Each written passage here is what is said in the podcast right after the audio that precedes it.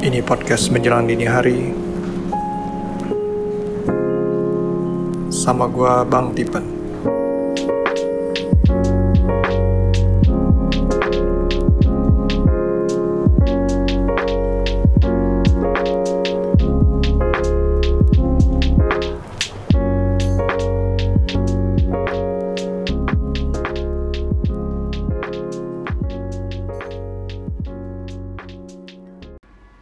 Selamat datang kembali ke podcast menjelang dini hari bersama gua Bang Tipen Dan untuk pendengar baru, selamat datang. Apakah ada pendengar baru ya? Kayaknya gua nggak yakin juga ya. Banyak kan juga kayaknya itu-itu aja. I'm trying to sound like Adriano nih tiba-tiba nih. Gara-gara apa Uh, biasa dia sering ngomong kayaknya pendengarnya itu itu aja tapi followernya nambah terus gitu kan nyebelin kan ya. Am I trying to be that uh, that way? Enggak lah. Cuman lagi nyari cara basa-basi di awal aja. Oke. Okay. gua lagi mau nge-share satu um, topik yang ada di kepala gua sekarang. Jadi bagi pendengar lama mungkin udah tahu kalau gue ngalamin cash flow problem. Dan buat new listeners uh, biar gue ceritain sedikit dulu buat intro.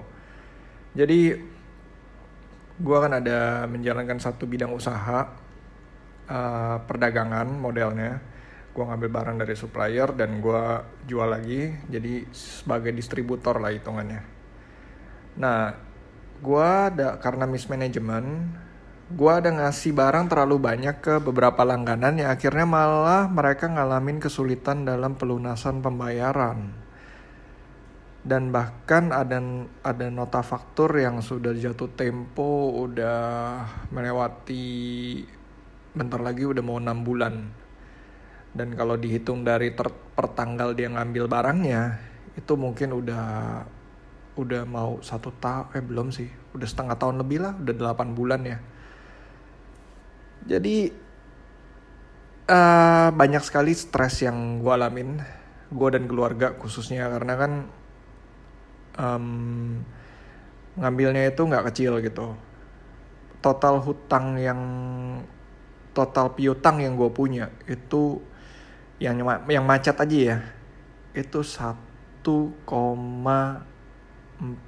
miliar rupiah. So gue belum pernah bicara angka sebelumnya tapi let me tell you. Jadi biar tahu seberapa besar bebannya karena gue sendiri sampai harus minjam uang satu uh, miliar buat tambahan.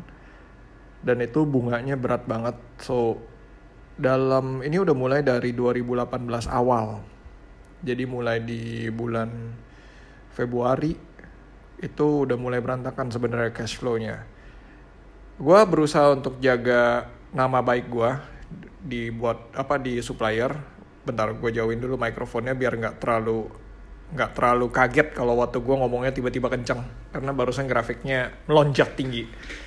So gue gue berusaha untuk jaga nama baik gue uh, buat supplier. Makanya gue tetap lunasin semua hutang gue dan nggak apa-apa gue pinjem dana dari pendanaan supaya ya ya istilahnya buat jaga nama baik lah ya.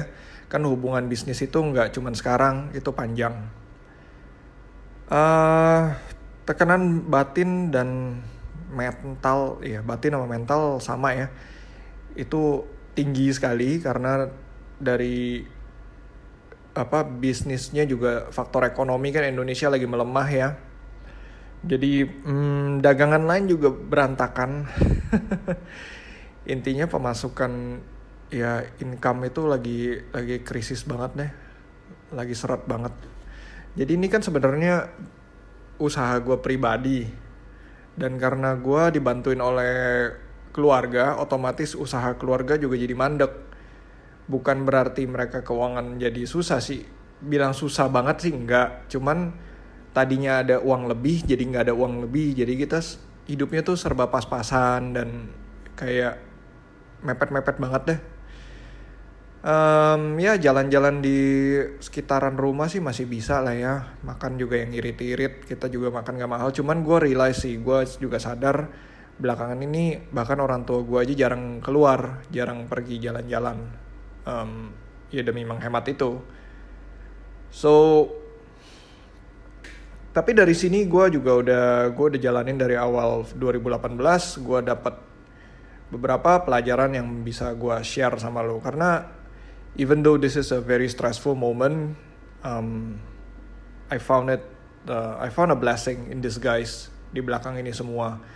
Banyak hal-hal yang bisa gue apa sebutnya uh, berterima kasih karena sudah disadarin dari awal gitu dibandingkan nanti ke depannya. Nomor satu, gue punya partner seorang bukan partner actually. Jadi dia jadi freelance sales, sales freelance yang gue percayain untuk nyari langganan. Dan karena gue percaya so silakan gitu kan. Gue tinggal dapet uh, dari langganan dia dan gue pergi gitu. Katanya sih bagus. Cuman yang dia sih bilang bohong sih enggak karena akhirnya langganan juga bayar ya. Cuman problemnya gini misalnya dari waktu dia mulai bujuk gue untuk kayak oh lu harus stok barang A B C D E. Ternyata yang laku cuman barang A sama B. Jadi CDE-nya tuh kayak stok mati. Akhirnya gue gue juga masih punya inventory yang mati-mati itu yang nggak yang nggak gerak gitu tuh tuh masih ada. So gila deh. Dan never really trust the sales 100% karena mendingan lu pegang diri lu aja lu yang harus kontrol. Uh, gue pernah percaya kan kayak ngasih tahu. Kan gue tipe orang yang kayak open ya. I I trust. Gue percaya lu bisa bertanggung jawab setelah gue minta. Misalnya gue minta uh, misalnya stok gue udah stok A dan B kan laku tuh. Misalnya anggap ini ada 300 unit uh, 105 gue mau 300 unit ini 150 buat uh, new customer ya buat kita new acquisition gitu. Akuisisi customer baru dan sisanya setengahnya itu untuk customer lama kita bagi-bagi. And you know what gitu kan? Sama sales itu dioper ke hampir semua mungkin 250 ke langganannya dia. Langganan dia which means si A gitu. Cuman single person gitu. Cuman satu orang. Jadi yang buat yang bahkan buat langganan lama yang lain mungkin hanya sisa 50 jadi nggak cukup buat langganan baru. Yang itu yang kayak bikin satu kekesalan gitu. Gue udah ngomong sama lu sedangkan dia udah keburu ngomong sama langganan otomatis gue mau ngomong kayak uh, apa pun salah gitu. Orang gue kan kasih tahu jumlah inventory akhirnya dia pun sekarang pun gue udah nggak nggak gitu mau ngasih tahu jumlah inventory gue pokoknya ada lu maunya berapa gitu. Nanti gue bisa atur. Karena serba salah kita ngasih tahu udah gitu juga ngasih tahu mengenai apa untuk pricing kita juga cari tahu sendiri. Jangan percaya bukan mereka untuk nyari di lapangan buat kita gitu. Tetap aja kita yang dengar-dengar kita harus uh, bener-bener nyari tahu turun turun lapangan sendiri. Padahal gua itu udah pembagian tugas. Misalnya gua ngatur di bagian dalam ya. Ngatur di bagian dalam ini temen gua juga walaupun dia sales walaupun temen juga tetap aja begini gitu kan. Namanya kadang-kadang teman sama nah ini lesson kedua kadang namanya teman itu ya lu bisa kerja bisa berteman bersama tapi belum tentu kerja bareng tuh enak. So jangan anggap hubungan lu baik sama teman lu jadi everything is gonna be okay. Not really man. Not really. I've been there been there couple of times uh, not a good experience So tadi pertama never trust the sales, dua belum tentu teman juga bisa ini bisa handle. Karena apa? Waktu itu masalah pricing ya. Pricing gue dikasih harga kayak dibilang oh ini harga di ini pada jualnya segini udah kita hajar aja buat hajar market. Padahal untuk uh, misalnya marginnya gue jual misalnya di 20% gitu. Padahal di pasaran itu minimal di 25% jadi kan gue rugi 5% sayang gitu. Apalagi kita baru berdiri dan pantas saja gue mikir kok barang gue cepet habis? gitu. Baru datang habis. Baru datang habis. gitu. Karena dianggap oh market rame market rame. gitu kan. Cepet habis. Ternyata memang gue jual barangnya terlalu murah. Makanya habis terus. Hey, seperti yang gue pernah bilang kalau gue ada jualan second hand item gue yang bisa dicek di Tokopedia, URL-nya di www.tokopedia.com slash bangtipen. Nah, di situ nanti ada koleksi-koleksi pribadi gue, di mana kalian lihat, mungkin kalian kalau ada cocok, uh, bisa, bisa ya lihat-lihat dulu lah ya. um, buat khusus buat pendengar podcast ini gue kasih harga khusus uh, ada diskon khusus yaitu potongan 10% uh, cuman syaratnya tinggal pertama harus kasih tahu gue tentunya. Kalau kalian tahu dari podcast. Lalu let me know episode favorit kalian yang mana sih? Dan kasih gue pendapat kenapa gitu itu jadi favorit. Oke okay, paling gitu aja. Oke okay, back to the show. Yang ketiga, kontrol nafsu lu. Serame-rame apa pun itu bisnis, kelihatannya rame. Gue padahal udah tahu, gue dan uh, apa, gue udah tahu nih tahun 2017 tuh gue udah ngomong dalam diri gue sendiri kayak jangan kalau mau buka bisnis baru ataupun bisnis lama kita running jangan terlalu expand terlalu besar. Karena kan tahun depan adalah tahun politik. Jadi bakal banyak gejolak politik sebelum pemilu di mana pemilu 2019 April itu cuman orang bilang hanya eksekusi terakhirnya. Tapi kan kisruhnya itu rusuh-rusuhnya itu dari 2018 yang berarti tidak ketidakstabilan politik Indonesia yang akan mempengaruhi kondisi ekonomi. Dan terbukti di 2018 ini gila men. Ini kayak bisa dibilang tahun terburuk dalam perdagangan kayaknya di uh, di bidang gua dan bahkan kayaknya banyak bidang juga banyak yang komplain di berbagai bidang bisnis. Uh, sedangkan waktu gua mulai di 2017 pertengahan itu kayaknya waduh gembor apa gencar banget gitu. Karena barang banyak keluar kan otomatis wah gila nafsu gitu kan. Langsung pesen barang dari produsen banyak. Pesan barang produsen banyak, barang itu baru akan dibayar dua bulan kemudian. Dan hutang-hutang customer baru akan dibayar, I mean piutang customer itu baru akan dibayar di tiga bulan atau empat bulan. Welcome to my business. Inilah industri uh, yang gua jalanin. Orang bilang gila hutang dua bulan tuh lama. Gue dihutangin sampai empat bulan, 3 sampai empat bulan. So, iya, dan bahkan marginnya itu to be honest tadi kan gue bilang 20 20 sama 25 ya itu cuman contoh aslinya marginnya itu nggak nyampe nggak nyampe 10 gila kan?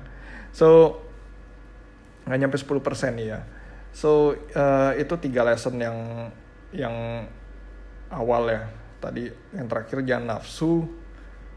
Keempat itu focus on the solution not on the problem. Karena kalau lu fokus di problemnya lu bakal setengah mati gue bakal stres setengah mati tiap malam nggak bisa tidur gue ada beberapa malam nggak bisa tidur mikirin soal uh, utang ini dan mikirin banyak hal yang lainnya. Cuman masih bisa tidur juga gitu kan karena ya gue hanya mikir solusi apa yang bisa gue perbuat gitu uh, short term dan long term. Kayak misalnya untuk long termnya gue hanya bisa nunggu karena kartu as ada di customer gue mereka tinggal bilang gue nggak mau bayar. Ujung-ujungnya ya rugi di gue walaupun gue main kasar juga percuma ya gue paling cuman bisa lihat aset apa yang dia punya pelan-pelan aset apa yang dia punya bujuk dia untuk bayar kalau dia nggak mau udah nggak bukan nggak bisa bayar eh, bukan nggak mampu. Kalau dia nggak mau bayar lain cerita. Kalau dia masih bisa bayar mungkin dia bayarnya bagaimana? Atau mungkin kita uh, minta asetnya. Ada customer gue yang baru um, tiga hari yang lalu ketemu dan dia memilih untuk menyerahkan aset. Katanya uh, sekarang jual properti juga nggak gampang jadi mendingan saya serahkan aja propertinya ke kamu gitu biar kamu yang jual nanti nah untuk penilaiannya masih belum jelas karena belum final final untuk nilainya berapa ya uh, ada juga yang minta waktu so Ya, yeah, just focus on the solution. Untuk short termnya mungkin bisa dipikirin gimana cara dapat duit yang agak cepat. Misalnya barang-barang apa yang dijual. Kayak sekarang gue lagi um, barusannya mungkin kalian dengar ada di short break iklan itu. Gue sedikit mengiklan sekarang di podcast gue uh, I have second second hand items yang gue punya koleksi pribadi itu gue jual-jualin. So untuk nomor 5 yang bisa gue share dan ini yang terakhir keep positive thinking. Bukan cuman fokus on the solution. Cuman kalau kita memikirkan solusi dalam sisi negatif itu um, kan nggak bagus ya. Kita berpikirlah secara positif dan um, selalu selalu ber apa give thanks lah ya. Beruntung dan walaupun kita tetap harus tegas sama sama orang-orang yang berhutang sama kita tetap aja kita harus tegas untuk meminta uh, hak kita kan. Itu kan hak kita. Jadi tetap harus tegas tapi kita lebih positif lah nggak um, mikirin kayak uh, mungkin nih lucu ya tapi di Indonesia ini sangat normal. Kayak uh, pergi ke dukun atau pergi ke mana um, ini gimana supaya cepat bayar. Ya kita berdoa sama Tuhan. Kalau untuk ke dukun-dukun gitu dan meminta apa sebutannya tuh ada ada ilmu apa tuh? Di keluarga gue tuh banyak yang kita bukannya kita nggak pakai begituan cuman sering ketemu orang yang pakai dan kita sendiri pernah pernah jadi korban jadi akhirnya tahu gitu loh. Uh, ya pokoknya merasa kayak mereka jadi bisa dengar kayak kayak pelet gitulah kayak hipnotis lah sejenis gitu gitu deh. So keep positive hanya berdoa sama Tuhan yang maha kuasa untuk bisa masalah ini bisa cepat selesai. Customer kita juga dapat um, kalau dia punya masalah juga bisa cepat selesai dan ingat sama kita biar utangnya biar cepat selesai. Dan untuk positifnya juga ada misalnya seperti kita mikir aja misalnya kayak ini di bidang gue ya tiap bidang kan masing-masing lain di bidang gue nilai 1M itu memang bukan bilang besar sampai bagaimana. Memang itu nilai yang besar sekali cuman punya potensi yang jauh lebih besar daripada itu. Kerugiannya tuh bisa kalau gue denger dengar dari orang aja tuh bisa kayak 10 m 8 I mean 10 miliar 8 miliar gitu. Jadi gila deh. Satu nilai satu miliar itu memang memang besar. Cuman itu yang gue bilang potensinya itu dengan bidang yang gue jalanin ini gitu itu bisa up to 10 miliar gitu. Jadi Uh, ya yes, berterima kasih aja karena ini terjadi di awal perjalanan sehingga gue bisa lebih jaga diri untuk uh, nanti ke depannya lebih kontrol dan akhirnya uh, mungkin nggak cuman gue tapi keluarga juga semua pada sadar diri dalam soal bisnis ini harus lebih fokus. Jadi um, gimana ya gue selama ini menjalani bisnis ini gue bukan menyalahkan siapa-siapa. Gue kan uh, istilahnya juga ada bisnis keluarga. Ini kan usaha gue sendiri dan gue tetap menjalankan usaha keluarga gue. Jadi gue menghandle uh, dua dua bisnis sekaligus gitu. Jadi uh, pasti ada salah satu yang agak orang bilang terlan bilang terlantar sih enggak, cuman kayak kepleset gitu loh. Karena nggak terlalu diperhatiin. Itu cuman sekedar oke okay, siap oke okay, jual lepas jadi kalau sedangkan di tempat yang lain butuh perhatian konstan gue nanti yang tepat itu pasti berkurang. Karena kan attention span itu ibarat muscle ya ibarat sebuah otot. Fokus itu harus bi bisa dilatih dan bisa berkurang dayanya seiring berjalannya hari gitu. Ketika yang satu butuh lebih fokus otomatis nanti fokus lu ke yang hal lain akan berkurang. Dan kebetulan kemarin itu fokus di bisnis keluarga gue memang lagi ada perubahan besar juga karena uh, supplier karena kita di bisnis keluarga itu kan produsen ya. Jadi ada penggantian bahan bahan bakunya yang membutuhkan gue untuk lebih trial and error gitu. Nah yang satu sedangkan satu lagi ya udah gue pikir cuman cuman istilahnya datang barang yang penting gue tahu bikin nota kirim gitu kan. Akhirnya nggak kontrol berapa jumlahnya cuman gue agak khawatirnya kayak uh, ya gitulah sebenarnya ada um, ya juga ada orang tua yang ngebantuin juga gitu kan. Nyokap gue ngebantuin bagian finance juga. Kebetulan dia juga lagi ada butuh perhatian di bidang yang lain. Kemarin itu ada masalah apa ya? Jadi semua kacau balau. Semua kacau balau semua nggak ada yang perhatiin. Sepertinya kita semua semua teralihkan dengan hal ini gitu.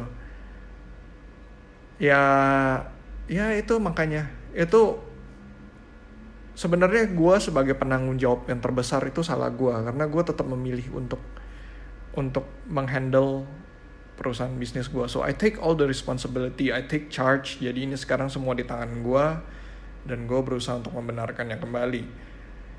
Uh, ya gue hanya bisa berterima kasih ini terjadi di awal bukan di belakangan ketika omset sudah besar dan mungkin banyak langganan yang yang lebih tidak bertanggung jawab gitu. Kebetulan customer yang gue ketemu baru sedikit dan itu pun mereka mau tanggung jawab untuk uh, menyelesaikan gitu. Sedangkan kita tahu lah di luar sana banyak sekali yang lagi berantakan lebih nggak bagus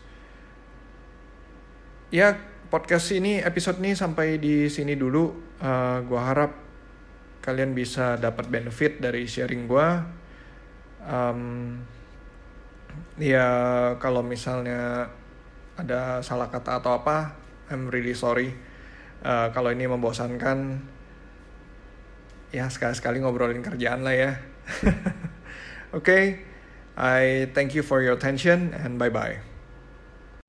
Hey, podcast listener, thank you for listening and thank you for giving me your attention. Kalau mau reach gue bisa di Twitter at Bang Tipan atau di Instagram juga bisa di podcastmdh. Uh, kalian bisa dengerin podcast gue sebenarnya di berbagai platform ya, um, Castbox, uh, Overcast, Apple Podcast, Google Podcast. Cuman Spotify ini yang belum masuk. Uh, gue juga pindah ke pindah hosting ke Anchor, jadi harusnya sebentar lagi masuk ke Spotify. I'll let you know. Kalau menurut lu podcast gue itu menarik dan bisa di share, tolong bantu gue untuk uh, menyebarluaskan podcast gue ini. Tolong di share ke teman-teman dan keluarga. Uh, it will be very helpful dan selalu jangan lupa subscribe, uh, follow, tinggalin rating dan comments. Uh, kirim pesan apa aja, um, topik yang mau gue bahas, atau pertanyaan, atau kritik dan saran. Silakan kirim aja bisa ke email juga bisa. Oh ya email di menjelang dini hari at outlook.com. Oke, okay, atau di social media DM aja langsung. Alright, sekali lagi, thank you, bye bye.